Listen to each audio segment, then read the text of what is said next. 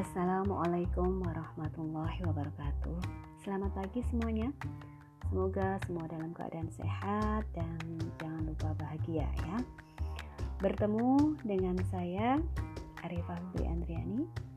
Semester ini saya akan mengantarkan Anda belajar pengantar akuntansi 2. Nah, uh, pembelajaran pengantar akuntansi 2 ini tidak terlepas dari pengantar akuntansi 1 tentunya. Jadi, apa yang sudah Anda pelajari di pengantar 1 uh, eh, nanti coba di refresh lagi apalagi selama ini sudah liburnya sudah terlalu lama ya. Mudah-mudahan bisa mengingat kembali. Oke.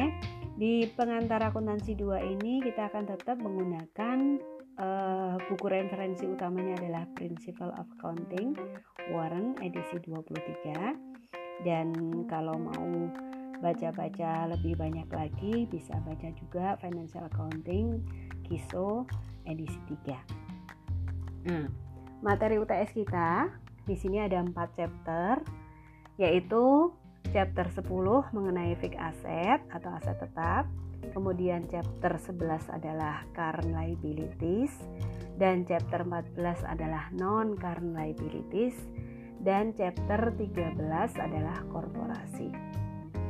Ini ada empat bab yang harus kita selesaikan dalam tujuh pertemuan sebelum UTS. Kemudian untuk materi UAS kita akan mulai dari pembelajaran partnership ada di chapter 12 kemudian investasi ada di chapter 15 dan terakhir adalah statement of cash flow ada di chapter 16 ada tiga bab yang akan kita pelajari di uh, after UTS atau di UAS di materi UAS jadi ada tujuh bab yang akan kita pelajari di semester ini. Nah untuk formulasi nilai di sini ada sedikit perubahan dibandingkan nilai semester 1 ya. Untuk sekarang UTS-nya bobotnya adalah 35%, kemudian UAS-nya 35% dan aktivitasnya adalah 30%. Di mana nilai aktivitas ini akan terdiri dari empat hal yaitu nilai kehadiran 20%, kemudian kuis harian 30%, kemudian tugas mandiri 30% dan sikap partisipasi 20%. Kehadiran sudah bisa dipegang ya. 20% dari kehadiran Anda itu adalah nilai aktivitas Anda. Kuis, nah kita usahakan uh, kuis uh, minimal tiga kali per tiga kali kuis dalam dalam UTS ini ya. Mudah-mudahan sih uh, kita bisa melakukan kuis tiap saat. Saya pengennya nanti kuisnya adalah setiap kali pertemuan di akhir pertemuan atau di awal pertemuan berikutnya kita akan kuis ya minimal kuisnya mungkin bentuknya multiple choice singkat saja 10 atau 15 menit kemudian tugas mandiri tugas mandiri berupa PR dan e, rangkuman ya. Semua PR PR-nya yang wajib adalah yang ada di RPS jadi entah saya umumkan atau tidak PR yang ada di RPS setiap di RPS itu setiap bab sudah ada PR-nya exercise atau problem berapa di dari buku Warren ya. Jadi semua PR itu adalah yang wajib di RPS nanti kemungkinan ada tambahan dari saya. Jadi PR ditulis tangan kemudian uh, karena ini pembelajarannya jarak jauh maka untuk sementara PR setelah ditulis tangan bisa difoto kemudian atau di scan kemudian di upload ke drive kelas. Nanti kita akan gunakan uh, Google Classroom ya. Jadi kita akan gunakan Google Classroom. Jadi semua tugas berupa PR kemudian tugas yang kedua adalah rangkuman. Rangkuman juga ditulis tangan kemudian di foto nah rangkumannya seperti apa? Rangkumannya nggak usah. Yang namanya rangkuman atau resum resume itu pasti singkat ya. Jadi yang di sini yang saya inginkan adalah Anda benar-benar mengetahui apa sih isi bab itu. Jadi bukan mengulaskan kembali dalam urean yang panjang lebar tapi cukup inti-inti dari bab itu yang Anda pahami yang yang menurut Anda adalah penting maka Anda tuangkan. Bentuknya bisa berupa mind map, bisa berupa mungkin anda mau bikin model kayak uh, apa namanya rang apa uh, model cerita pendek gitu ya cerpen atau bisa jadi komik gitu ya itu ter saya bebaskan terserah kreasi anda yang jelas anda boleh tulis di buku atau di kertas ya kemudian nanti di foto kemudian diupload di Google Drive-nya Classroom kita. Jadi masing-masing akan punya nanti uh, silahkan bikin folder untuk tugasnya masing-masing dinamain nama dan ke, uh, nama kelas dan nomor absennya masing-masing.